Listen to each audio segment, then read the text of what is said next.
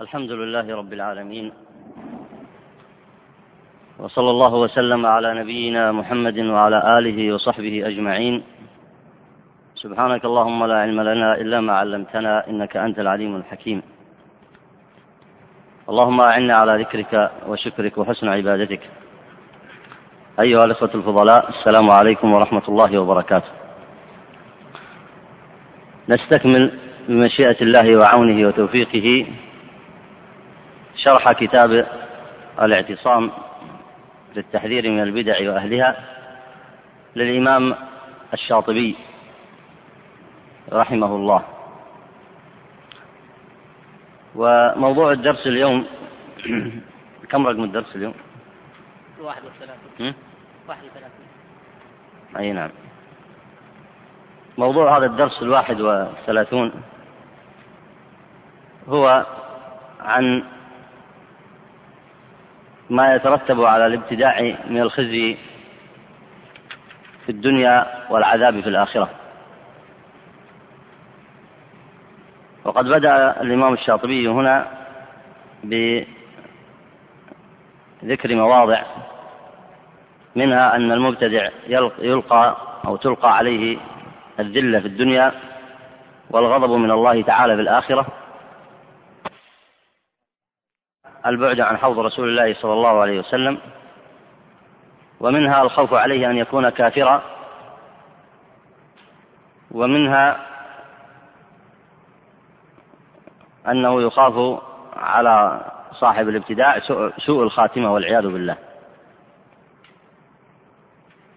وأيضا من العقوبات المترتبة على ذلك البراءة منه في الدنيا كما صنع الصحابة رضوان الله عليهم وأيضا من العقوبات التي ذكرها أنه يخشى عليه الفتنة وبعضها كما ترون أنه يتداخل مثل أن يقال مثلا يخاف عليه الكفر أو تخشى عليه الفتنة أو آه، يخاف عليه سوء الخاتمة.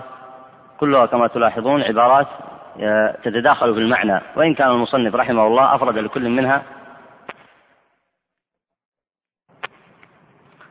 بقي أن نذكر في بداية هذا الدرس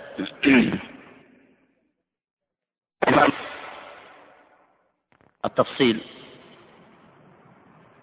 آه، إنما هو أسوة بمن سبقه من أهل العلم من السلف الصالح رضوان الله عليهم والأئمة المجددين. ويظهر هذا لكل آه، صاحب بصيرة متأمل في شأن البشرية. فإن البشرية ما هلكت طوائفها واختلفت شعوبها وانحرف كثير آه، أكثرها إلا آه، بسبب الابتداع. ومن هنا ينبغي لطالب العلم أن يتأمل تأملا دقيقا في كلام السلف رضوان الله عليهم. وكيف تتابعوا على التحذير من ذلك؟ وينبني على ذلك أمور منها الاهتمام بتصحيح الاعتقاد ومنها محاربة أكبر الانحرافات التي ترد على المسلمين. وأكبرها تلك الانحرافات التي تقع في العقيدة مثل ما يتعلق بالخرافة وعبادة القبور ومثل ما يتعلق بمعارضة الشرائع وعدم الاحتكام إليها فكل ذلك يترتب عليه الفساد في الأرض. وهذا الذي حدث عند المسلمين وانتشر أصله حادث في البشرية من أصل آه، نشأة الشرك. والمصنف عني بذلك عناية كبيرة وبين أن أصل الشرك أن أصل الابتداع هو الشرك بالله تعالى. والمتأمل في حال البشرية وضلالاتها كما قال الله تعالى وما أكثر الناس ولا حرصت بالمؤمنين المتأمل في ذلك يعلم أن الخطر الذي أتى على البشرية في عقائدها وفي قوانينها وفي أوضاعها إنما هو بسبب الابتداع. فعداوة الرسل إنما قامت بسبب الابتداع. وترك الاحتكام إلى الشرائع إنما كان بسبب الابتداع. وصرف بقية العبادات لغير الله إنما كان بسبب الابتداع. ولذلك سبق معكم تعريف البدعة. من يذكر تعريف البدعة؟ كما ذكر المصنف تفضل.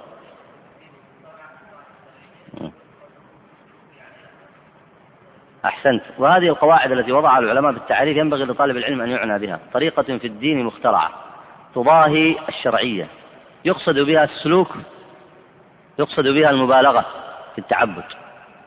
وعلى التعريف الآخر يقصد بها ما يقصد بالطريقة الشرعية. فلو تأملت في حال البشرية كم طريقة في الدين أحدثت؟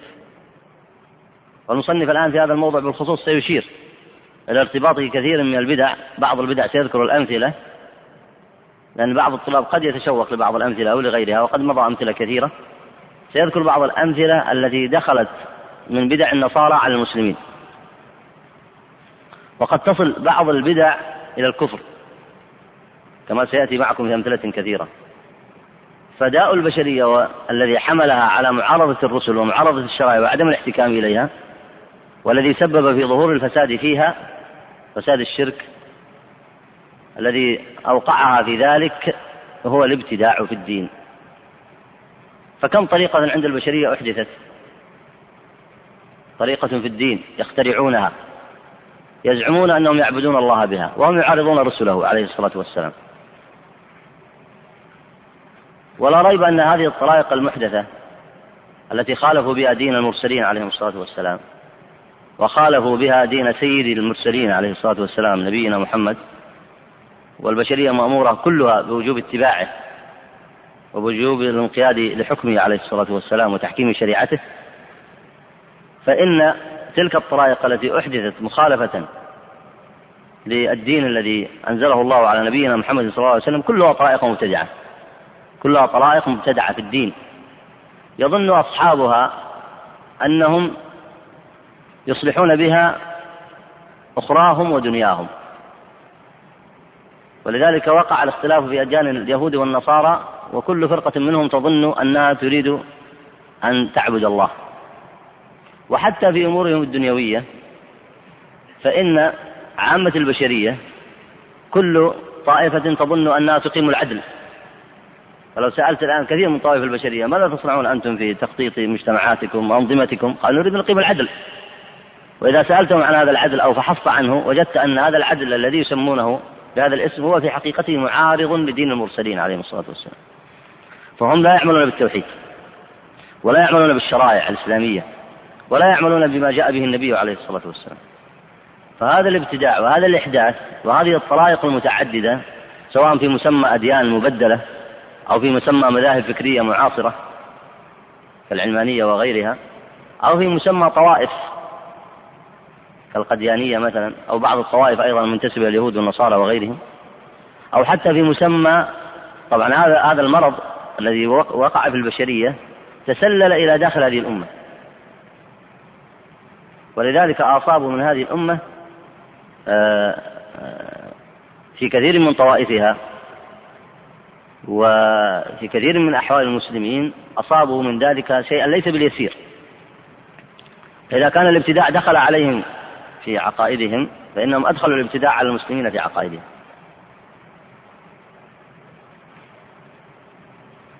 ومن طرائف ما يذكرون أنهم قالوا أن النصارى يعبدون رسولا يعبدون رسولا وهو عيسى ويعتقدون فيه ويقدسونه. وكذلك وقع في المسلمين من يعبد بشرا فقالوا البشر دون الرسول. فقال بعضهم عن بعض المسلمين أنكم تعبدون أناسا تصرفون لهم الدعاء تصرفون لهم الكثير من العبادات وتقدسونهم. فهذا الابتداع الذي حدث عند النصارى من جنسه ما حدث عند المسلمين. وكذلك في تبديلهم شرائعهم ومخالفتهم إياها وخروجهم عن الشرائع. خروجهم عن شرائعهم وتبديلهم فإنهم لم يبقى من دينهم إلا عند بعض طوائفهم كتحريم الزنا. أو آه، تحريم بعض الكبائر. وإلا فإن أكثرها قد استحلوه وبدلوه وغيروه. فهذا التغيير الذي حدث عندهم في شرائعهم حدث كذلك عند كثير ممن ينتسبون إلى الإسلام. فينبغي لطالب العلم أن يتأمل آه، خطورة الابتداع كيف كان أثره السيء على البشرية عموما أي على الكفار عموما وكيف كان أثره السيء على هذه الأمة. ولذلك كانت مهمة العلماء والدعاء وهو الواجب عليهم هو تصحيح الاعتقاد وتثبيت الشرائع. تصحيح الاعتقاد حتى لا يعبد إلا الله وحده وتثبيت الشرائع حتى لا يعبد إلا الله وحده. وعلى هذا تثبت العقيدة الصحيحة وتثبت الشريعة الحاكمة في كل أمر من أمور الناس فيستقيمون عليها كما كان ذلك شأن النبي عليه الصلاة والسلام وأصحابه رضوان الله عليهم. فما حدث من الابتداع بعد ذلك سواء في أبواب الاعتقاد أو في أبواب الشرائع كله شر.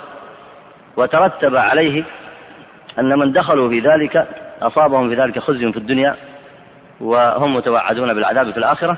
وسيذكر المصنف آه، شيئا من العقوبات المترتبة على ذلك تحذيرا من خطورة الابتداع وبيانا لأهل الإسلام فيما يجب عليهم. والواجب عليهم هو تحقيق العبادة لله وحده وتحكيم شريعته والصدق في عبادة الله والاستقامة على السنة وترك التبديل والتغيير وترك الإعراض عن الشرع والصدق في عبادة الله سبحانه وتعالى. فذلك هو الطريق لصلاح الدنيا وصلاح الآخرة. اقرأ بارك الله فيك من حيث انتهينا. بسم الله الرحمن الرحيم. وقال المصنف رحمه الله تعالى وأما أن المبتدع يلقى عليه الذل في الدنيا والغضب من الله تعالى فلقوله تعالى إن الذين اتخذوا العجل سينالهم غضب من ربهم وذلة في الحياة الدنيا وكذلك نجزي المفترين. حسب ما جاء في تفسير الآية عن بعض السلف وقد تقدم. بارك الله فيك. من يذكر ما تقدم؟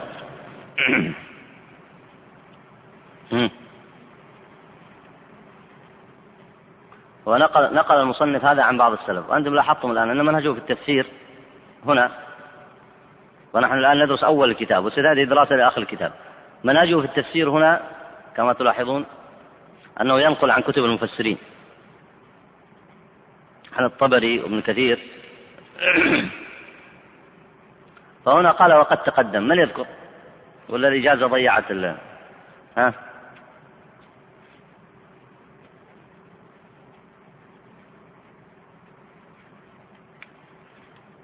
تفضل. وقال وروي ذلك عن بعض السلف في تفسير الآية.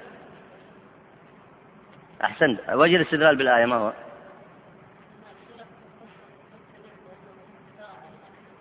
إي نعم.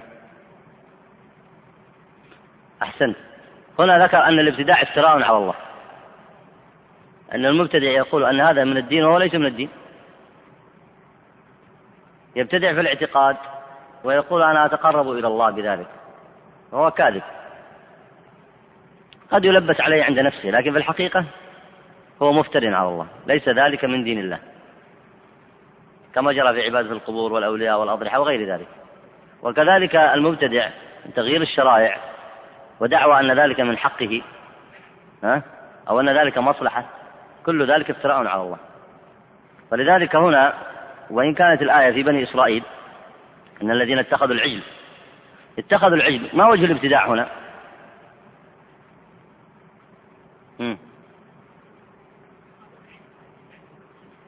اتخاذهم العجل اعتقادا منهم أنهم يعبدون الله بذلك. تركوا الحق البين الذي جاء به موسى عليه السلام من الدين الذي شرعه الله لهم وذهبوا يتخذون العجل يقدسونه. أليس كذلك؟ فهذا هو الابتداع. ترتبت عليه العقوبة.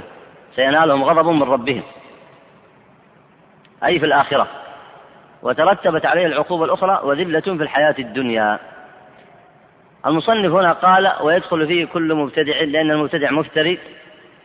فاستدل على ذلك بقوله وكذلك. أي وبمثل ذلك نجزي المفترين. فقال من صنع صنيعهم؟ أي في الابتداع. وإن لم يكن في نفس المثال المذكور. في أي باب من الأبواب من صنع صنيعهم في الابتداع فإن جزاءه مثل جزائهم فيكون الجزاء ماذا؟ الغضب في الدنيا ها؟ والذلة في الآخرة المصنف هنا لأن قد يرد سؤال عند بعضكم أن المصنف بعضها قد يكرر في بعض المواضع كذا ولا لا؟ يعني هذا الآن مضى في موضع سابق لكن الذي مضى في الموضع السابق هو أنه ذكر الآية وذكر تفسيرها عن سفيان لاحظتم الآن؟ ولذلك قال هنا حسب ما جاء في تفسير الآية عن بعض السلف. فذكر تفسير هذا التفسير المذكور ذكره عن سفيان. فالتكرار هنا في بعض الكتب إن كان التكرار لزيادة البيان ولزيادة الشرح والإيضاح فإنه مستحسن. فهنا فيه زيادة. الزيادة ما هي؟ ستقرأ عليكم الآن. هنا زيادة في الشرح. ومن قارن بين الموضعين الأول والثاني علم الزيادة. أي نعم. الرهبانية أيضا ابتداع ورهبانية ابتدعوها أحسنت.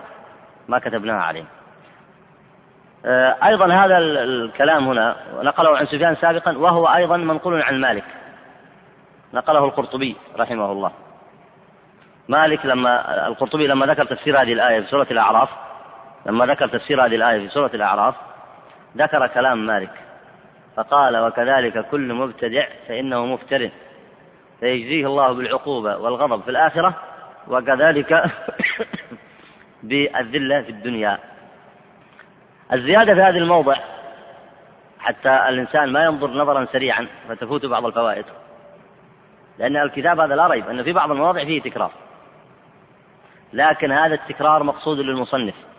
فإنه قد ينصب في فصل من الفصول مسألة قد مضت لكن يزيد فيها ويستنبط منها معنى آخر. وهذا من دقائق التأليف وإلا المصنف يعلم أن هذه الآية ذكرها في أول الكتاب. لأنه هو الذي كتب الكتاب يدري أن هذه الآية ذكرها في أول الكتاب. لكن لما ذكرها هنا ذكر فيها الزوائد. والزوائد هي أنه ضرب أمثلة لوقوع الذلة في بعض الوقائع التاريخية وهناك لم يذكر الأمثلة. لاحظتم الزيادة هنا؟ وهناك لم يذكر الأمثلة. اقرأ بارك الله فيك. حسبما جاء في تفسير الآية عن بعض السلف وقد تقدم وجهه ظاهر لأن المتخذين للعجل إنما ضلوا به حتى عبدوه لما سمعوا من خواره ولما ألقى إليهم السامري فيه. فكان في حقهم شبهة خرجوا بها عن الحق الذي كان في أيديهم. نعم. قال الحقيقة أن الضلالات البشرية كلها مبنية على شبه. ولذلك احتاج الناس إلى العلم والدعوة. ولذلك كان بلاغ المرسلين بالعلم والدعوة إلى الله عز وجل. كثير من الناس يظن أن أكثر البشرية إنما حملها العناد. لكن هذه المسألة تحتاج إلى تأمل. فليس كفر البشرية وليس ضلالات البشرية ولا الانحرافات سواء التي عند الكفار أو التي دخلت على المسلمين ليس كلها بسبب العناد. لأنك إذا أخذتها بهذا المعنى فإنك تواجه العناد بالعناد لأنك المعاند يعني عالم وعارف لكنه متعصب لا يريد أن يسمع. لكن تأمل هنا كلام المصنف. فإن أكثر ضلالات البشرية التي دخلت عليهم كثير منها دخل على كثير من الكفار بسبب الشبه. ولذلك كان الرسل عليهم الصلاة والسلام ومنهم سيدنا محمد صلى الله عليه وسلم كان من أنصح الناس وأرفق الناس وأعلمهم بما يصلح البشرية. ولذلك كان العلم هو السبيل لرفع هذه الشبه. حتى الجهاد ما يأتي إلا بعد نشر العلم. النبي صلى الله عليه وسلم جاهد الكفار لكن بعد البلاغ وبعد رفع الشبه. والبلاغ منه كان بأفصح لسان وكان هو ناصح للخلق عليه الصلاة والسلام. فالذي يوقع الفتور في الدعوة أو عند كثير من الخلق من الدعاء أنهم يظنون أن الذي مع الخلق ما كثير من انحرافاتهم سببها العناد. والعناد تقول لا حيلة لي فيه. لكن كثير من الانحرافات عند عند كثير من الكفار وحتى عند كثير من أهل الأهواء في هذه الأمة سببها الشبه. ولذلك يحتاج إلى العلم ويحتاج إلى الدعوة ويحتاج إلى الرفق في إظهار العلم وبيانه ويحتاج إلى قوة الحجة حتى ترفع الشبه وتبين الحق. فلاحظ هنا قال فكان في حقهم شبهة خرجوا بها عن الحق الذي كان في أيديهم. إي نعم. قال الله تعالى وكذلك نجزي المفترين فهو عموم فيهم وفي من أشبههم من حيث كانت البدع كلها افتراء على الله حسبما أخبر في كتابه في قوله تعالى قد خسر الذين قتلوا أولادهم سفها بغير علم وحرموا ما رزقهم الله افتراء على الله. فإذا كل من ابتدع في دين الله فهو دليل حقير بسبب بدعته وإن ظهر لبادي الرأي في عزه وجبريته فهم في أنفسهم أذلاء. إذا هنا الزيادة في هذا الموضع وقس على هذا مواضع كثيرة. الزيادة في هذا الموضع أنه بين وجه الافتراء هنا. فقرن هنا الآية الأولى إن الذين اتخذوا العجل سينالهم غضب من ربهم وذلة في الحياة الدنيا قرنها هنا وكذلك نجد المفترين قرنها ببيان معنى الافتراء. وذكر للافتراء صورة هنا وقال وحرموا ما رزقهم الله افتراء على الله والتحريم منهم كان على وجه الابتداع. يعني يحرمون ويحلون ويزعمون أن ذلك يحقق مصالحهم. يحلون خلاف ما حرمت الشريعة ويحرمون ما أحلت الشريعة. ويظنون أنهم بذلك يحققون مصالحهم. فهم يخالفون الشرع زاعمين أنهم بذلك إنما يحققون مصالحهم. وهذا هو الابتداع وهذا هو الابتداع وهو افتراء على الله. وهو افتراء على الله. ولذلك هنا قرن الآيتين مع أنه في الموضع الأول اكتفى بذكر الآية الأولى وذكر كلام آه، بعض السلف في تفسيرها. وهنا قرن الآيتين بعضهما ببعض. ثم الزيادة هنا أيضا قوله آه، في بيان الابتداع كيف تكون الذلة فيه؟ سيأتي بأمثلة لأن الإنسان قد يقول المبتدعة في بعض الأحيان قد يتمكنون. ويقول مثلا أن الذلة في بعض الأحيان قد لا تظهر للإنسان على أهل الابتداع. فكيف تكون هذه الذلة؟ فأشار هنا قال وهو دليل حقير بسبب بدعته. يعني بسبب انحرافه عن منهج الله. وبسبب ابتداعه في الدين فهو لا يزال آه، في ذلة. ولا يزال حاله آه، في صغار. فتترتب عليه هذه قال وإن ظهر لبادئ الرأي في عزه وجبريته فهم في أنفسهم أذلاء وهذا كما قال الحسن في أهل المعاصي آه، لما قيل له شأن أهل المعاصي وكيف تلحقهم الذلة؟ وهم قد يكونوا أصحاب مال وجاه وسلطان. فكيف تلحقهم الذلة؟ فقال الحسن البصري رحمه الله إنهم إن هملجت بهم البراذين وطقطقت بهم البغال أي ركبوا المراكب الفارهة فإن ذل المعصية لا يفارقهم فإن ذل المعصية لا يفارقهم فالطاعة لها نور ولها طمأنينة ولها سكينة ولها قوة ولها ثبات ولها حسن عاقبة في الدنيا والآخرة. حتى لو كان الإنسان فقيرا حتى لو غلب عليه آه، آه، مخالفوه. حتى لو آه، أصابه ما أصابه من الابتلاء. فإن الإنسان المؤمن قوي بإيمانه. ولذلك قال الله عز وجل ولا تهنوا ولا تحزنوا وأنتم الأعلون إن كنتم مؤمنين. فجعل العزة والاستعلاء بالإيمان. وهذا الذي كان معهود في الصحابة والتابعين وعلماء الإسلام. وعامة المسلمين. فإن الإنسان قد يكون فقيرا وقد يكون غريبا في, في, في قومه وقد يكون طريدا وقد يكون مريضا وقد يصاب بما يصاب به لكن عزة الإيمان وثبات الإيمان وقوة الإيمان تحيي قلبه وتعزه حتى يلقى الله عز وجل. ولا ريب أن هذه هي العزة ولله العزة ولرسوله والمؤمنين ولكن المنافقين لا يعلمون. فأهل النفاق وأهل الابتداع لا يعلمون أن هذه العزة ليست لهم ويظنون أنهم لجبروتهم وسلطانهم أنهم أعزاء وهم في الحقيقة أذلاء وذل المعصية هو أمر نفسي يدخله الله عز وجل على العاصي والمبتدع والمخالف للشرع يدخله الله في قلبه فيوهنه. فهو وإن ظهر في جبروته وإن ظهر في قوته أو ماله سلطانه وجاهه لكن في حقيقته هو في ذلة. هذا المعنى الذي يشير إليه المصنف. وسيزيد هذا المعنى وضوحا أيضا. اقرأ بارك الله فيك. وأيضا فإن الذلة الحاضرة في الدنيا موجودة في غالب الأحوال. ألا ترى أحوال المبتدعة في زمان التابعين وفيما بعد ذلك حتى تلبسوا بالسلاطين ولاذوا بأهل الدنيا؟ ومن لم يقدر على ذلك استخفى ببدعته وهرب بها عن مخالطة الجمهور وعمل بأعمالها على التقية.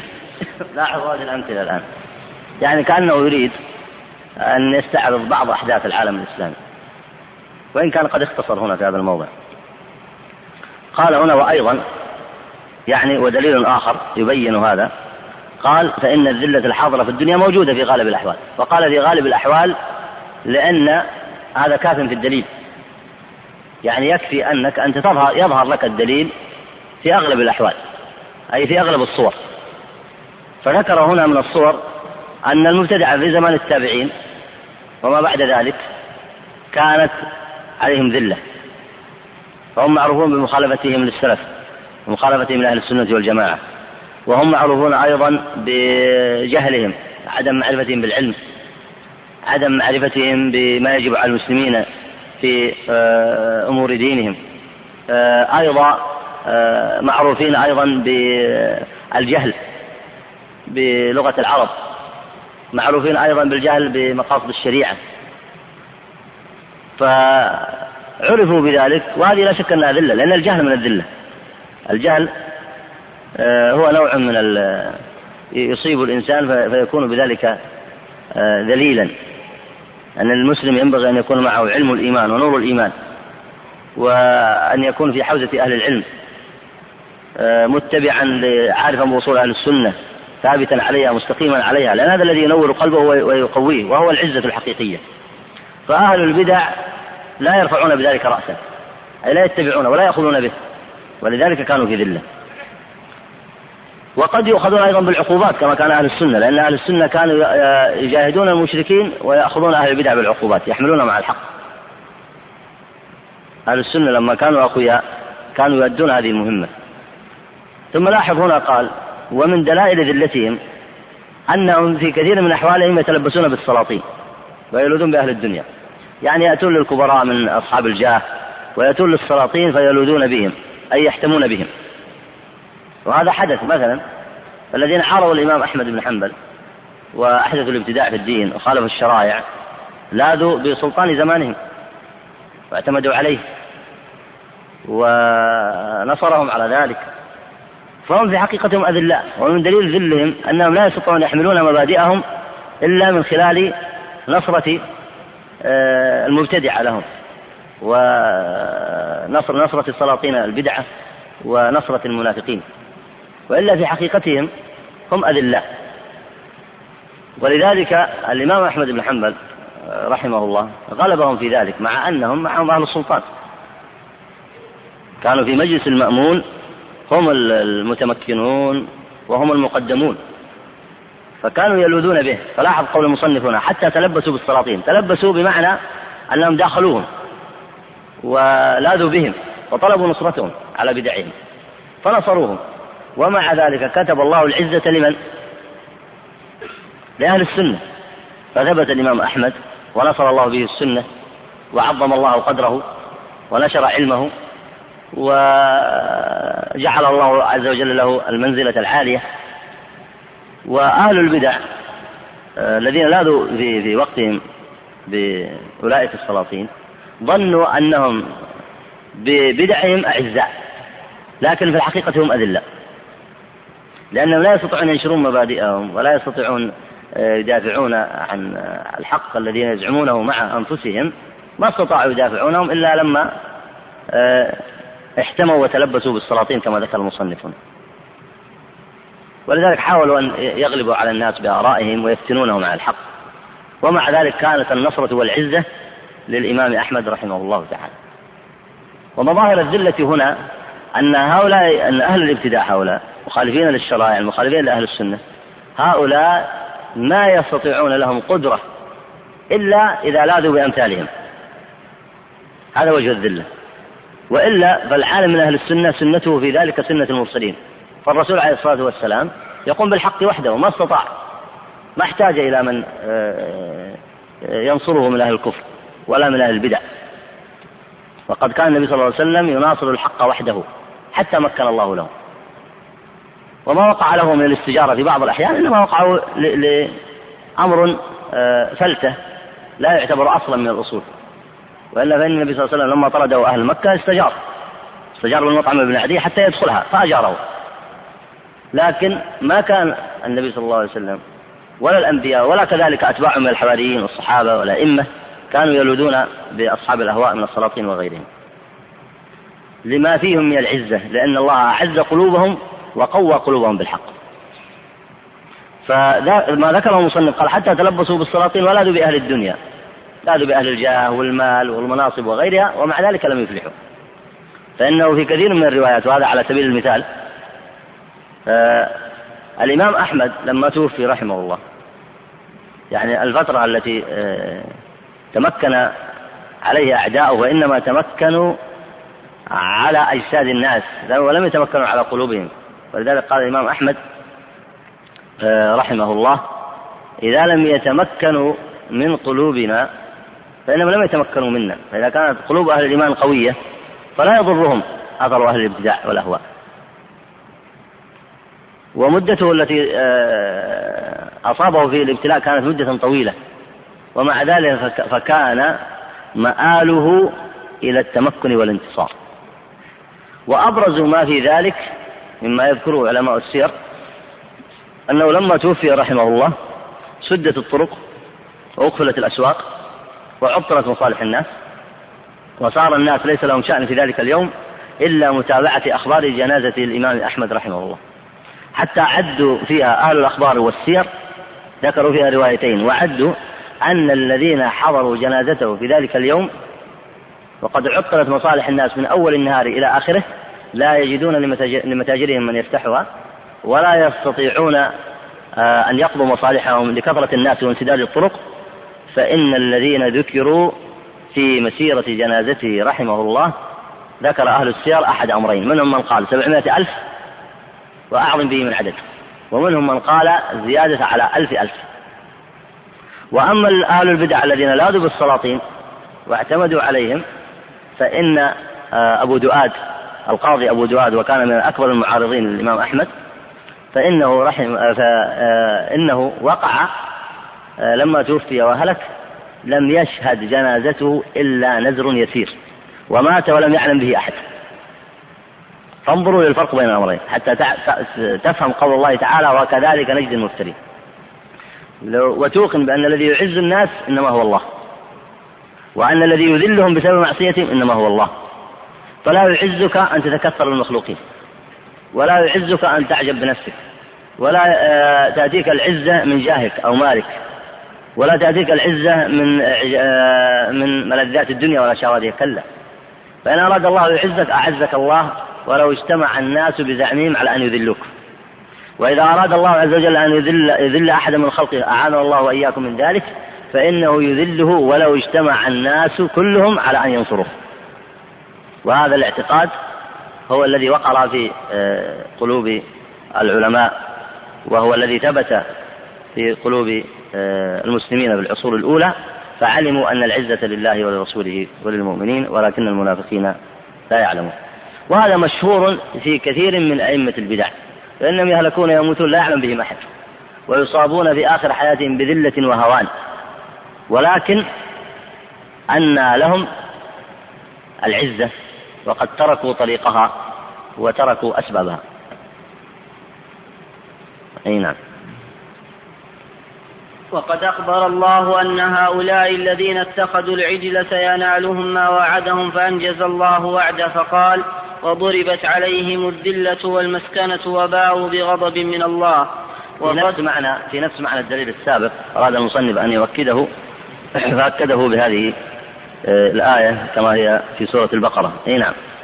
وصدق ذلك الواقع باليهود حيثما حيثما حلوا في أي مكان وزمان كانوا. لا يزالون أذلاء مقهورين. ذلك بما عصوا وكانوا يعتدون. ومن جملة الاعتداء اتخاذهم العجل. لاحظ هنا الآن ضرب لكم أمثلة من واقع المبتدعين المغيرين الشرائع وأهل الأهواء فيما مضى من الأمثلة في العالم الإسلامي. عاد بكم المصنف مرة أخرى ليذكر لكم كيف تقع الذلة سواء على أهل الابتداع والأهواء ممن ينتسبون للإسلام أو على أهل الكفر من اليهود والنصارى. فذكر مثالا باليهود يعلمه الخاص والعام ويعلمه الناس جميعا. بأن اليهود مهما ظن الناس أنهم أقوياء ومهما ظن أنه يمكن لهم فإنهم في ذلة. وأوضح الأدلة ما هو ثابت في هذا العصر. أوضح الأدلة ما هو ثابت في هذا العصر. فإن اليهود قد اجتمع العالم على نصرتهم. من أمم الكفر وأوليائهم وأشياعهم. اجتمعوا على نصرتهم. إما نصرة صريحة بالمال والقوة والجند والعتاد. وحتى الذين كانوا آه، يريدون قتالهم أو يفكرون في خصومتهم انتشر وقع السلام الذي حدث في هذا العصر ومع ذلك الآن الأمر لا يخلو من أمرين بالنسبة لهم. ترى أظن الصوت طيب جزاك الله خير. فإنهم لا يخلو. إما أن يكون من صديق مناصر لا يخلو حالهم. إما من صديق مناصر مؤيد سواء بكل ما يستطيع أو ببعض ما يستطيع. هذا من أوضح الأمثلة. وإما أن يكون من عدو لهم مسالم.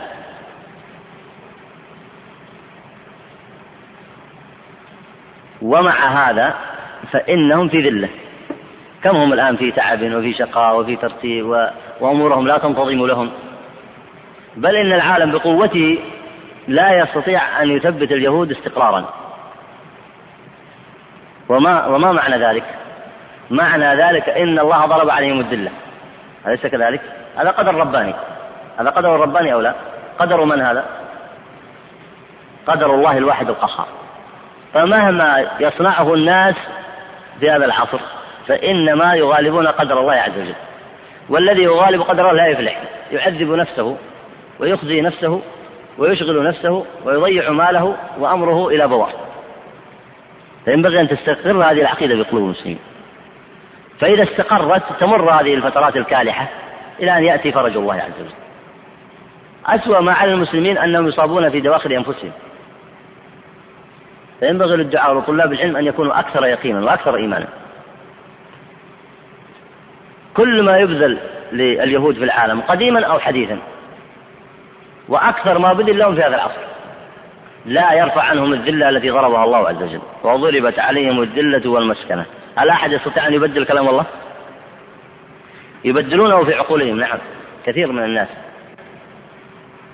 الكفار بدلوه. وكثير من المنتسبين إلى الإسلام بدلوه. وكثير من المسلمين بدلوه وظنوا أن اليهود سيملكون قوة.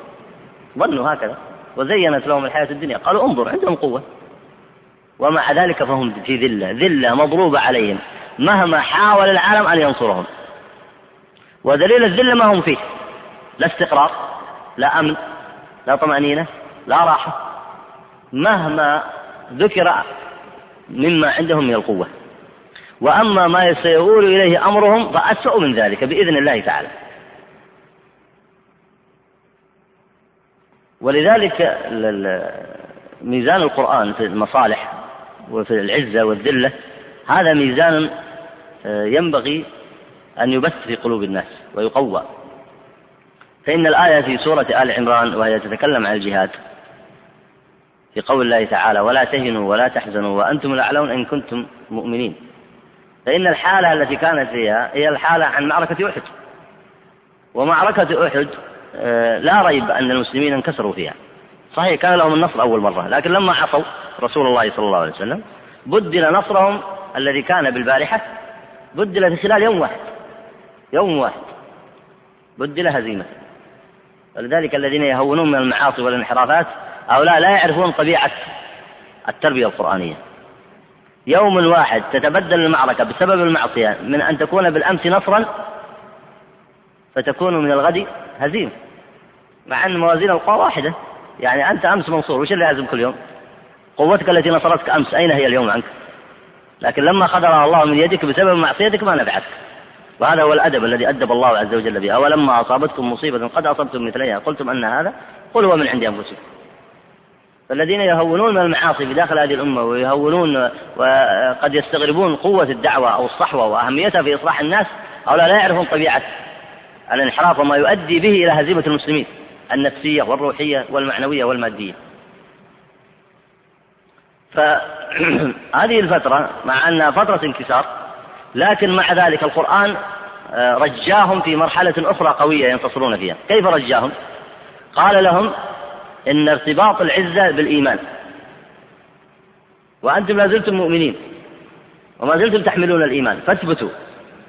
وإن كانت المظاهر المادية ليست في أيديكم وليست موازين النصر في أيديكم من الناحية المادية لكن إياكم أن تهنوا إياكم أن تحزنوا. ولا تهنوا ولا تحزنوا وأنتم الأعلون إن كنتم مؤمنون. فربط إن كنتم مؤمنين فربط الاستعلاء بالإيمان وحده. هذا ميزان من الموازين التي ذكرها الله عز وجل في كتابه سبحانه وتعالى. فمآل فمآل أهل الإسلام أهل الصدق والوفاء لهذا الدين مآلهم بمشيئة الله وهم المؤمنون حقا مآلهم إن شاء الله للانتصار على اليهود وعلى غيرهم. وإن كان في فترة السلم الآن آه، يظن أن يظن كثير من الناس وأكثر البشرية تظن أن ذلك انتصار للتمكين لليهود. فذلك لا يمكن أن يكون. إذا قال قائل آه، من أين تقولون ذلك؟ أو كيف يقول العلماء ذلك؟ فالجواب أنه لا في حالة الحرب سيكونون أعزة ولا في حالة السلم سيكونون أعزة. لماذا؟ لأن الله عز وجل قال وضربت عليهم الذلة حتى وإن قيل في قول الله تعالى إلا بحبل من الله وحبل من الناس قد يجدون تمكينا بحبل من الناس. وقد يكون بحبل من الله. بحبل من الله إذا اهتدوا. وإذا اهتدوا زال عنهم سبب ماذا؟ سبب الابتداع. فكانوا مسلمين حقا. فحينئذ تزول الذلة عنهم. وإن كان بحبل من الناس فتزول عنهم المغالبة في الدنيا. لكن مآلهم يعني لا يجدون من يغلبهم. لكن في فترة من الفترات. فتأتي لهم الذلة بعد ذلك تحصدهم تصيبهم الذلة في حياتهم الدنيا وينتظرون الغضب في الآخرة ويمكن الله عز وجل للمسلمين عليهم جولة أخرى. فهم في حالة الحرب وفي حالة السلم لا يرجى لهم إلا ما ذكر ما ذكر الله عز وجل عليهم من العقوبات وذلك بسبب انحرافهم. وهذا الدرس الذي ينبغي أن يفهمه المسلمون. العقوبات التي على الكفار أو اليهود أو الخزي الذي يقع على طوائف أهل الهواء أو غيرهم إنما هو درس لنا. لأنه إنما وقع ذلك عليهم بسبب انحرافهم عن شريعة الله وبسبب انحرافهم عن أمر الله. فإذا وقع في المسلمين ما وقع فيهم فكذلك كما قال الله عز وجل فكذلك نجد المفترين. ذلك حكم الله وهو أعدل الحاكمين. أي نعم. هذا بالنسبة إلى الذلة. وأما الغضب فمضمون بصادق الأخبار فيخاف أن يكون المبتدع داخلا في حكم الغضب والله الواقي بفضله. هذا أشار له المصنف الأول آه، وذكر الأحاديث التي وردت في التوعد لهم بالعذاب والعياذ بالله آه، توعدهم بالعذاب في النار وما يترتب على البدع من العقوبات في الآخرة. فأشار إليه المصنف وقد مضى ذكره آه، مفصلا في مواضع كثيرة من قبل. أي نعم. البعد عن حوض رسول الله صلى الله عليه وسلم فلحديث الموطأ فليذادن رجال عن حوضي كما يذاد البعير الضال. الحديث. وفي البخاري عن أسماء عن النبي صلى الله عليه وسلم أنه قال أنا على حوضي أنتظر من يرد علي فيؤخذ بناس من دوني فأقول أمتي فيقال إنك لا تدري مشوا, مشوا القهقرى. وفي حديث عبد الله أنا فرطكم على الحوض ليرفعن إلي رجال منكم حتى إذا أهويت لأتناولهم اختلجوا دوني فأقول أي رب أصحابي يقول لا تدري ما أحدثوه بعدك. نعم. هذه الأحاديث التي ذكرها هي آه، من الأدلة التي أشار إلى المصنف هنا قال فمضمون بصادق الأخبار أن عليهم العقوبة والغضب. في الآخرة. فقد سبق ذكر أدلة منها ومنها ما ذكره المصنف هنا أيضا. فالأول حديث الموطأ وقد سبق الكلام عليه. فسبب ما يصيبهم هنا من أنهم يذادون على الحوض بسبب أنهم كانوا يبتدعون بأهوائهم. يخالفون الشريعة ويبتدعون بأهوائهم. وتشبيه هنا كما يذاد البعير الضال لأن الضلالة تطلق على ثلاثة معاني آه، منها الحيرة عن معرفة الحق. وهذه تحدث في حالة انقطاع الشرائع أو الجهل المطبق بحيث لا يستطيع الإنسان أن يتبين الحق. وإذا بحث عن الحق دله الله عز وجل. ومن هذا قول الله تعالى في وصف النبي عليه الصلاة والسلام ووجدك ضالا فهدى في سورة الضحى. في وصف النبي عليه الصلاة والسلام فوجدك ضالا فهدى أي في حيرة يطلب الحق فإنه نظر فيما عليه قومه فعلم أنهم ليسوا على الحق فذهب يبحث عن الحق فهداه الله عز وجل كما هو معروف في قصته في التلبس في غار حراء ثم نزول الوحي عليه عليه الصلاة والسلام. فالضلالة في هذه الآية فوجدك ضالا فهدى هي ضلالة الحيرة في البحث عن الحق فهداه ربه إليه عليه الصلاة والسلام. ومن من أنواع الضلالة أيضا الابتداع. ومنها الكفر أيضا وهو ما يسمى في القرآن أو ما ذكر بالضلال البعيد. فهنا كما يراد البعير الضال وجه الشبه بينهما أن بين المبتدع أن هو وصف الضلالة المذكور في الحديث.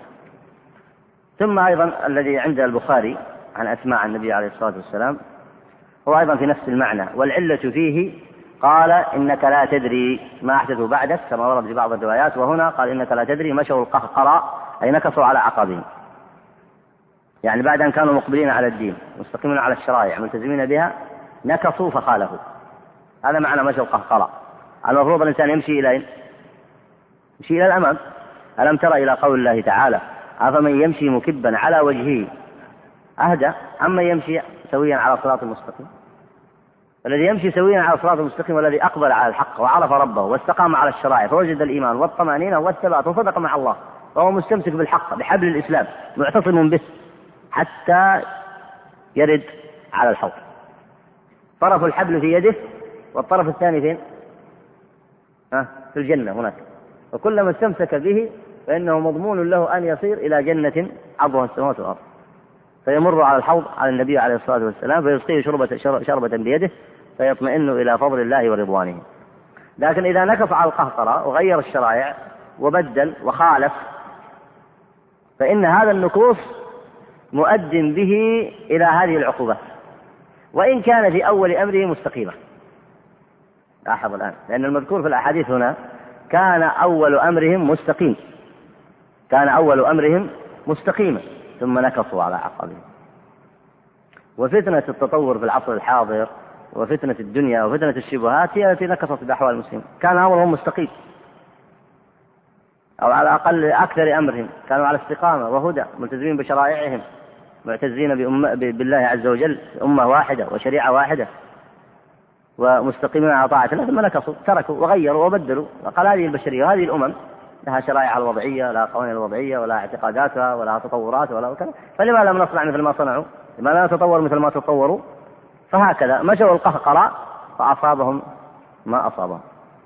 أي نعم. فمعنى مشوا القهقرة أي بدلوا وغيروا. ونكصوا على أعقابهم والعياذ بالله. أي نعم.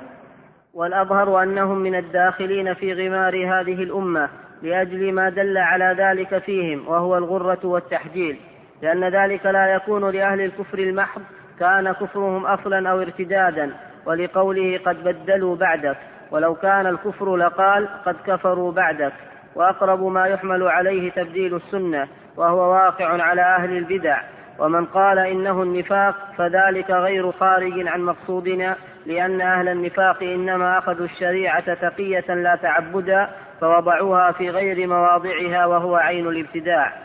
طيب هنا المصنف يريد أن يقول لك آه، قد يأتي إنسان فيقول هذا إنما كان في أهل الكفر. لقول النبي صلى الله عليه وسلم لا تدري ما أحدثه بعدك مشوا القهقرة يعني كفروا. وكيف يلحق بهم أهل الابتداع في هذه الأمة الذين لم يصلوا إلى الكفر؟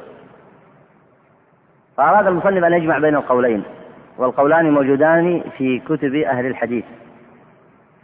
فقد ذكر شراح الحديث كما ذكر الفتح وغيره أن هذا التبديل يشمل الكفر الأكبر يعني البدع المكفرة ويشمل ما دون ذلك من البدع. يشمل النوعين. ومن المحدثين من جعل المعاصي تدخل فيه أيضا. فجعل شامل على شامل للثلاثة الأنواع. يعني المعصية والمعصية التي تصل إلى حد الابتداع والمعصية التي تصل إلى حد الكفر. تشمل الثلاثة الأنواع والأقرب أنه يشمل النوعين.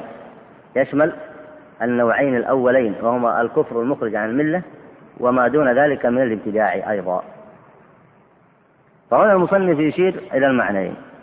يقول المعنى الأول محتمل لكن الظاهر أنه المقصود بهم من بقوا في هذه الأمة. لقوله هنا قال لما ورد من أن النبي صلى الله عليه وسلم يرى فيهم الغرة والتحجير آه ثم ذكر أن هناك احتمال آخر وورد أيضا ذكره علماء الحديث قالوا أن هذا في النفاق في المنافقين أن التبديل المذكور به أهل النفاق. فكيف جمع المصنف بين هذا وبين هذا؟ من يذكر الجواب؟ تفضل.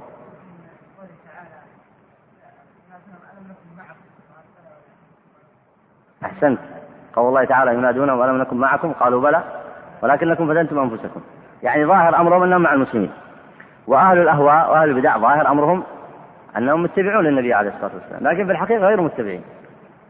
فأراد أن يبين أن أهل النفاق وإن أظهروا أنهم مع أهل الإسلام وأنهم ينصرون الإسلام وكذلك أهل البدع إن أظهروا آه، أنهم متبعون للنبي عليه الصلاة والسلام أن هذا وهذا لم ينفعهم في الآخرة لأن العبرة بماذا؟ العبرة بالصدق ولا بالادعاء؟ العبرة بالصدق ظاهرا وباطنا ولذلك في الآخرة لا يقبل الله عز وجل إلا الصدق ظاهرا وباطنا. فلما يأتون في الآخرة تبقى معهم ماذا؟ علامة الدنيا الظاهرة التي كانوا يزيفون بها على الناس ويشبهون بها على أنفسهم. فلما يأتون بها في الآخرة لا تغني عنهم شيئا. فإن ال ال النجاة في الآخرة معولة على الصدق في عبادة الله.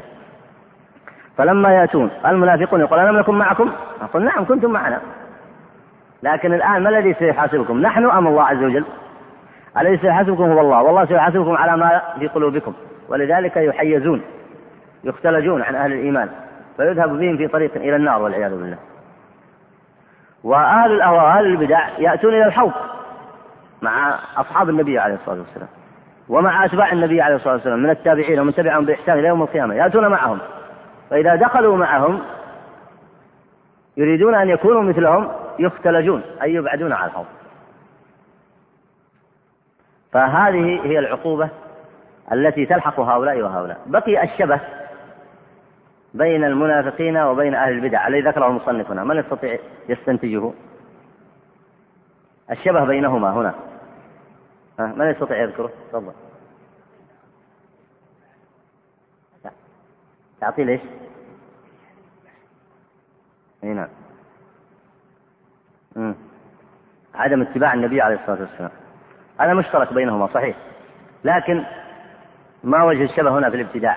يعني كيف تطبق هنا؟ لأن المصنف قال شوف قال ومن قال إنه النفاق وذلك غير خارج عن مقصودنا لأن أهل النفاق إنما أخذوا الشريعة تقية لا تعبدا. فوضعوها في غير مواضعها وهو عين الابتداع. فكأنه يريد أن يجعل النفاق هنا من معانيه مما مما يترتب على النفاق الابتداع فكيف يكون ذلك؟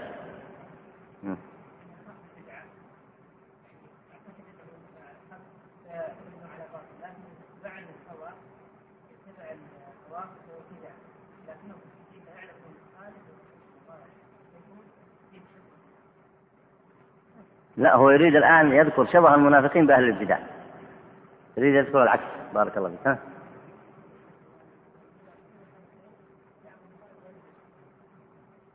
كلا الصنفين يعبد الله بغير المنافقون وأهل البدع. يعبدون الله بماذا؟ المنافقون يقصد أهل الإسلام. يعني يقصد المنتسبون إلى أهل الإسلام من المنافقين. أي أحسنت. يعني يقول المنافقون يعبدون الله بما لا يؤمرون لأن الله أمرهم بأن يعبدوه ظاهرا وباطنا لاحظت؟ فوضعوا أمر الشريعة على غير ما وضعه الله. فأظهروا الانتساب إلى الإسلام وأبطنوا الكفر لاحظتم الآن؟ والله أمرهم بماذا الشريعة أمرتهم بماذا الشريعة نعم أي أي نعم أي نعم. الشريعة أمرتهم بماذا بالأمرين شوف. الشريعة أمرتهم بأمرين. وهي أن يعبدوا الله ظاهرا وباطنا. فعبدوا الله بزعمهم انتسبوا للإسلام ومارسوا بعض أحكام الإسلام جعلوا ذلك ظاهرا ولم يحققوا ذلك باطنا. خالفوا وضع الشريعة ولا ما خالفوا وضع الشريعة؟ الشريعة الآن جاءت للصور والأشكال ولا جاءت للحقائق والمفاهيم والمقاصد؟ يعني الشريعة المقصود بتطبيقها في الأرض مقاصدها وحقائقها والصدق في عبادة الله والصدق في إظهار دين الله والصدق بنصرة شريعة الله. وإلا جاءت في الصور والأشكال والمظاهر. فالمنافقون جعلوها على الأشكال والمظاهر وفي والصدق وحقيقته جعل الذي في القلب والذي في تحقيق المقاصد جعلوا بدله ماذا؟ جعلوا بدله الكفر والإعراض ومحاربة الدعوة والالتواء على الشريعة والغمز واللمز وغير ذلك. فكأنهم وضع الشريعة التي أرادت أن تجمع بين الظاهر والباطن هذا هو وضعها الحقيقي. وضعوا الشريعة على غير وضعها الذي شرعه الله. هذا ابتداع أو لا؟ لاحظوا هذا المعنى دقيق. يعني قد يسألك إنسان يقول ما كيف يشبه المصنف هنا يقرن بين المنافقين وأهل الابتداع؟ وما هو الشبه في ذلك؟ أي نعم. سيأتي الآن آه، نستكمل كلام المصنف. ثم نعيد عليكم الآن سيذكر ثلاثة أمثلة المصنف رحمه الله. سيذكر أهل الابتداع وسيذكر أهل النفاق وسيذكر الذين يتخذون السنة والدين طريقة لجمع الحياة حطام الحياة الدنيا. سيذكر الثلاثة آه ثلاثة المواضع. وعليكم أن تبينوا آه وجه وقوع الابتداع في ذلك. أي نعم.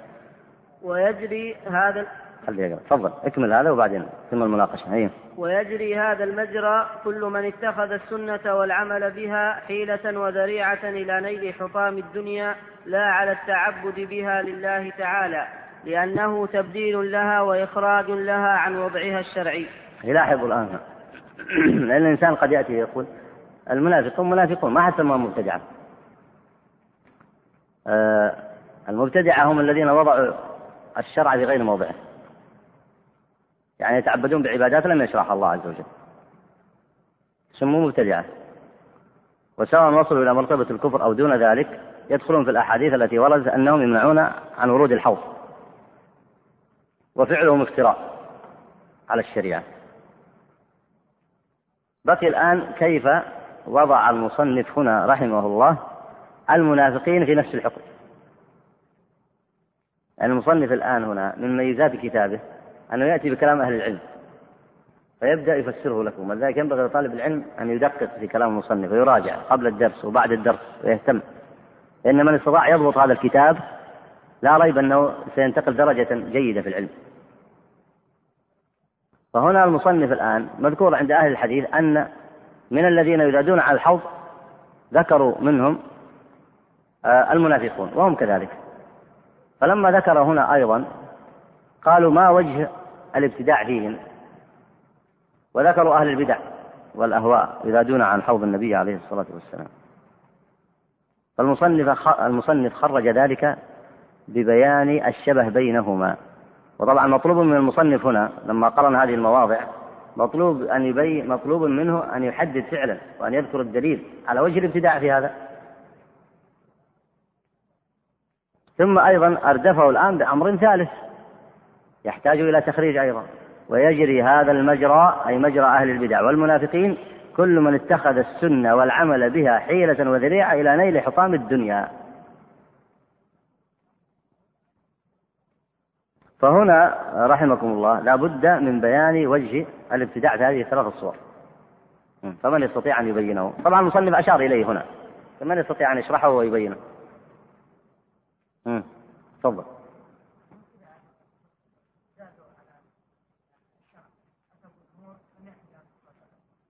المبتدعة أتوا بأمور لم يأتي بها النبي عليه الصلاة والسلام. يعني يعني وضعوا الشرع في غير يعني الشرع وضع الأحكام على التثبيت وعدم الزيادة والنقصان. أليس كذلك؟ اليوم أكملت لكم دينكم أتممت عليكم نعمتي. فهم وضعوها على الزيادة والنقص. أليس كذلك؟ طيب هذا وجه الابتداع في أهل البدع وهو ظاهر وهو أصل هذا الكتاب. طيب المنافقين وش وجه الابتداع في هذا؟ تفضل.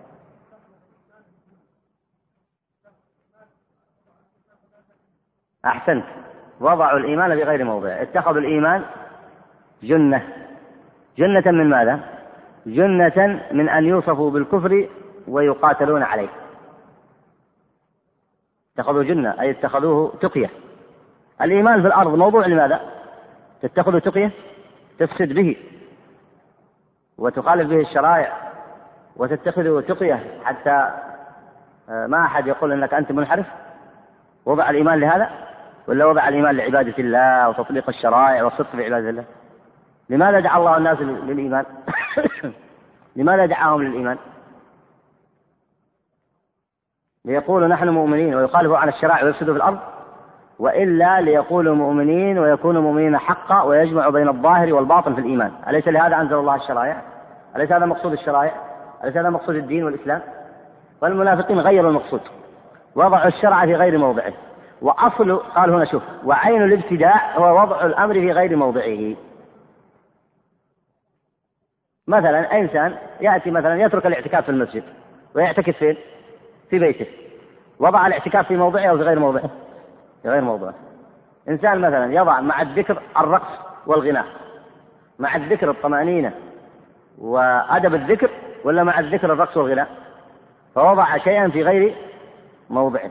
صرف العبادة في الدعاء لله. فيأتي إنسان يصرفها يضعها في في غير موضعها لغير الله. إنسان الذبح لمن؟ لله. وإن صلاتي ونسكي فيضع في غير موضعه. لمن؟ لغير الله. هذا هو الابتداع لاحظتم الآن؟ فكذلك النفاق. جعلوا الإيمان ودعواهم الإيمان جنة وتقية يتقون بها أن يوصفوا بأنهم منحرفون ومفسدون. إذا جاء أحد يقول لهم أنتم مفسدون؟ قال لا نحن مصلحون. فجعلوا الإيمان الذي في أصل الشرع يجمع بين الظاهر والباطن والصدق في عبادة الله كما هو شأن المرسلين عليهم الصلاة وأتباعهم عليهم الصلاة والسلام وأتباعهم كما هو شأن آه، المرسلين عليهم الصلاة والسلام وكما هو شأن أتباعهم جعلوا هذا جعلوا الإيمان ظاهرا لا باطن له ولا حقيقة له ولا صدق فيه ولا يحقق مقاصد الشريعة. فصار وضع الشيء في غير موضعه أو لا؟ فهذا هو عين الابتداع. باقي الصورة الثالثة. يتخذ السنة والدين لجمع حطام الدنيا. وش وجه الابتداع فيها؟ تفضل. أحسنت فتح الله عليكم. اشتروا به ثمنا قليلا. الله أنزل الدين والعلم والسنة ليتعلم الإنسان. يشتري بها ثمنا قليلا؟ ولا ليدعو بها إلى الحق؟ ويلتزم بها؟ ويهتدي بها؟ ويكون هاديا مهتديا؟ أنزل الله العلم لذلك. وأنزل اتباع السنة لذلك. تتبع السنة لماذا؟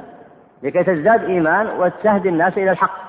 فإذا جعلت اتباع السنة طريقا لأن تشتري بها ثمنا قليلا لم ينزل الله الكتاب لذلك والعلم لذلك ولم ينزل الله السنة لذلك. لاحظتم؟ فكأنه وضع الشيء في غير موضعه وهو عين الابتداع. هذا هو وجه قول المصنف هنا في بيان وقوع الابتداع في آه، الأوصاف المذكورة آه، سابقا. هذا والله أعلم وصلى الله وسلم على نبينا محمد وعلى آله وصحبه أجمعين. الدرس القادم في بيان ما يترتب على البدع من كلام أهل العلم في تكفير المبتدعة وخلاف السلف في ذلك وذكر ما مذهب المصنف في هذا وأيضا ما يترتب على البدع والعياذ بالله من سوء الخاتمة وغير ذلك. ولذلك أحد الأسئلة هنا يقول هل يكون المبتدع كافرا أو مشرك أو نقول أنه عاصم هذا سيأتي جوابه في الدرس القادم بإذن الله تعالى. آه، نورد لكم كلام المصنف هنا الذي قال وأما الخوف عليه من أن يكون كافرا فإن العلماء السلف ثم ذكر مذهبهم في ذلك. هذا هو موضع الدرس القادم بمشيئة الله.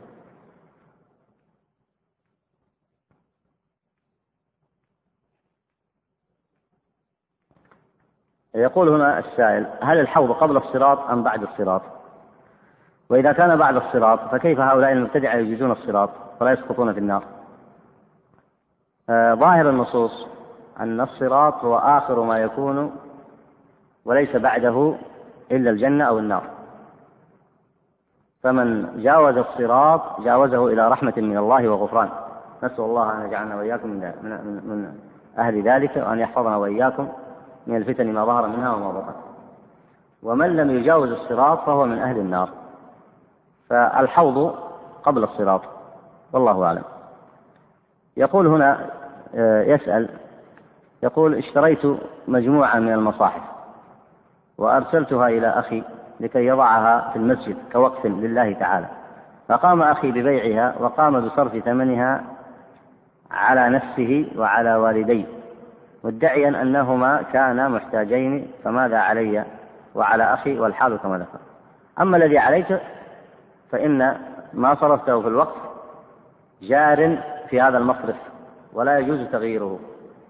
لا يجوز تغيير ما صرف وقفا لله تعالى بل يجري في مصرفه. فكان ينبغي على أخيك أن يجعل هذه المصاحف في المسجد وألا يتصرف فيها لأن الوقت لا يجوز بيعه ولا تجوز هيبته ولا يجوز التصرف فيه إلا فيما صرف له. أي أن يكون وقفا لله تعالى. إلا إذا تهدم مثلا كبناء مسجد أو غيره فإنه ينظر فيه ناظره الشرعي وقد يغيره بمثله أو غير ذلك بشروط معتبرة عند أهل العلم. لكن هذه المصاحف كان ينبغي أن تصرف في مكانها فتصبح وقفا في المسجد. فعليه أن يشتري بدلها ويجعلها في المسجد. هذا الذي على أخيه وتصرفه غير صحيح. لأنه إذا كان محتاج يبحث عن وسيلة أخرى لكن لا يقضي حاجته من الوقف لأن الوقف له مصرف محدد. يقول هنا آه، ما معنى التقية في قوله؟ لأن أهل النفاق أخذوا الشريعة تقية لا تعبدا. معناه أنهم لم يأخذوها إيمانا وتصديقا ولم يخالط الإيمان بشاشة قلوبهم ولم يأخذوها آه، يقصدون نصرتها والولاء لها والجهاد في سبيلها والثبات عليها وتحقيق مقاصدها ظاهرا وباطنا في الناس وجمعهم عليها وتمكين آه، والتمكين لها والحرص على إقامتها والفرح بآيات الله المنزلة فيها لم يأخذوها هذا المأخذ وإلا لازدادوا إيمانا وازدادوا يقينا وازدادوا بصيرة وازدادوا تمكنا ونفع الله بهم البلاد والعباد. لكن المنافقين أخذوها غير هذا المأخذ. لما رأوا الإسلام آه، له أتباعه وله أولياؤه فإنهم رأوا أنهم إن خالفوا انكشفوا. فأظهروا الموافقة في كثير وأخذوا في المخالفة في الباطن فتارة يعرضون عن أحكام الشريعة وتارة آه، يلمزون المؤمنين وتارة يؤذونهم وتارة آه، يترصدون لهم. وتارة يوالون أعداء الله فكأنهم اتخذوا اسم الشرع في الظاهر تقية. يتقون به يدفعون به عن أعراضهم وأموالهم ويريدون أن يأخذون من المدح والثناء كما يأخذ أهل الصدق والوفاء. وهم في حقيقتهم لا يستحقون ذلك. فجعلوه تقية. تقية أي جنة. يتقون به انكشاف حقيقة أمرهم. ولم يأخذوه مأخذ الصدق والجد الذي ذكره الله عز وجل في كتابه في تحقيق عبادته ظاهرا وباطنا آه، صدقا وتثبيتا.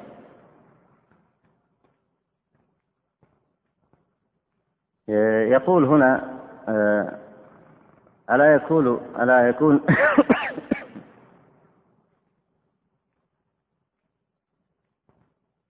لا يكون بين المبتدع والمنافق. أن المنافق استخدم واستعمل الشريعة لنيل حرض الدنيا ولذلك فهو استعملها في غير ما وضعت له. هذا هو الذي أجاب به بعضكم وهو جواب سديد أنه جاء اتخذ الشريعة ووضعها في غير موضعها. فالشريعة موضوعة لعبادة الله ظاهرا وباطنا وتحقيق مقاصدها كافة في أحوال الخلق كافة. والسعي لذلك بقدر المستطاع. يعني أن يبذل كل طاقته في تحقيق هذه المقاصد. بحيث لو استطاع أن تعم الأرض كلها لفعل. هذا هو وضع المسلمين. ولذلك المسلمين مشوا مع هذه الطبيعة الحقيقية الصادقة. أقاموا الدين تحاكموا إليه صبروا عليه جاهدوا في سبيله استقاموا عليه ازدادوا إيمانا كانوا أهل العبادة أهل الصدق أهل الوفاء. ثم بعد ذلك أي جهد يستطيعون أن يبذلونه لينصروا هذا الدين يدخلوا في كل مكان وينشروا في العالم صنعوا. هذه هي طبيعة أهل الصدق والوفاء. المنافقين وضعوا هذه الشريعة على غير موضعها. انقلبوا عليها. ادعوها ظاهرا وانقلبوا عليها بأساليب كثيرة كما ذكرها الله عز وجل في كتابه وفي سنة نبيه محمد صلى الله عليه وسلم. آه، يقول هنا هل يمكن أن نقول إن الشبه بين المنافقين والمبتدعة أن المنافقين آه، وافقوا ولم يخلصوا آمنوا ولم يخلصوا وأن المبتدعة أخلصوا ولكن لم يؤمنوا. هذه العبارات عبارة أن المبتدعة أخلصوا لو أخلصوا لله لوافقوا. الإخلاص عزيز يا أخي الإخلاص شيء عظيم. الله عز وجل يقول فمن كان يرجو لقاء ربه فليعمل عملا صالحا ولا يشرك بعبادته بعبادة ربه أحد. فمن أخلص ترك الإشراك وترك الابتداع. الإخلاص كلمة الإخلاص. ما هي كلمة الإخلاص؟ لا إله إلا الله. فالإخلاص شيء عظيم. فمن أخلص وافق واتبع بلا ريب. لكن لعله يقصد هنا أن المبتدع أخلصوا ولكن لم يوافقوا يقصد أنهم أن المبتدع آه، تدينوا بكثير من الأمور صح. لكن لو أخلصوا حقا وصدقوا حقا في عبادة الله لهداهم الله. لأن الله عز وجل جعل هدايته لمن؟ للصادقين والمخلصين. فما تقول فلان مخلص هذا وصادق لكن ما اهتدى. لو صنعت ذلك لكذبت القرآن. لأن الله جعل هدايته للصادقين والمخلصين نسأل الله يجعلنا وإياكم منهم. ولكن ينبغي الإنسان أن يأخذ نفسه بالصدق والإخلاص بين يدي الله والإخبات بين يدي الله. ولا يعلم الله من قلبه إلا خيرا فيهديه الله إن شاء الله برحمته وفضله. أي نعم.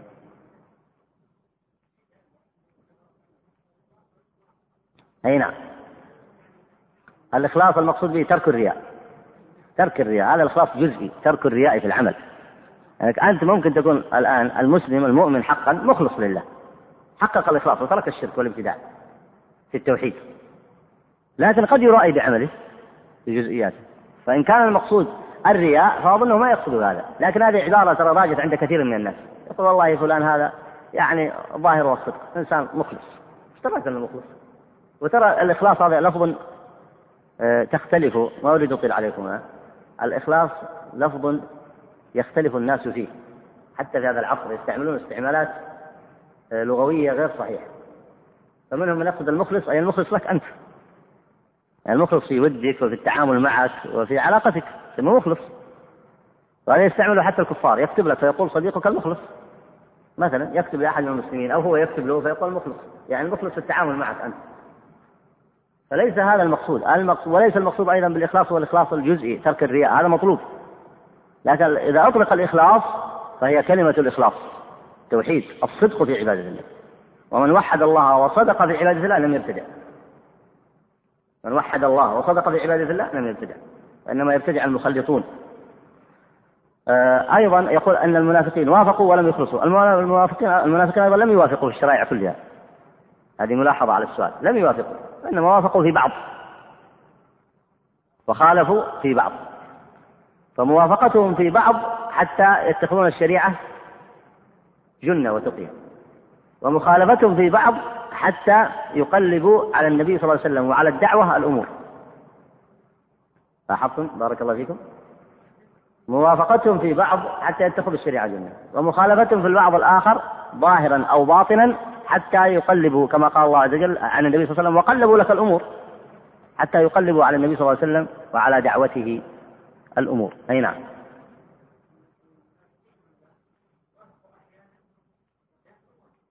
أحسنت صح.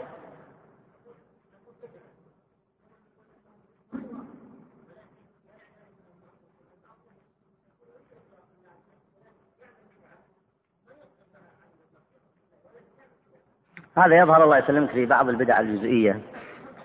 يعني قد يقع الإنسان في بعض البدع الجزئية وهو على خ... وهو يعني ما تنفي عنه الإخلاص. صح. لكن لاحظوا مسار الكتاب. مسار الكتاب في البدع الكلية البدع الأساسية البدع التي تأتي على كليات الدين وأصله. فتأملوا هذا وهناك بدع دون ذلك صح. وهذا سيأتي التفصيل فيه وهو موضع الدرس القادم. في الكلام على موقف السلف من تكفير أهل الأهواء. هذا وصلى الله وسلم على نبينا محمد وعلى آله وصحبه أجمعين.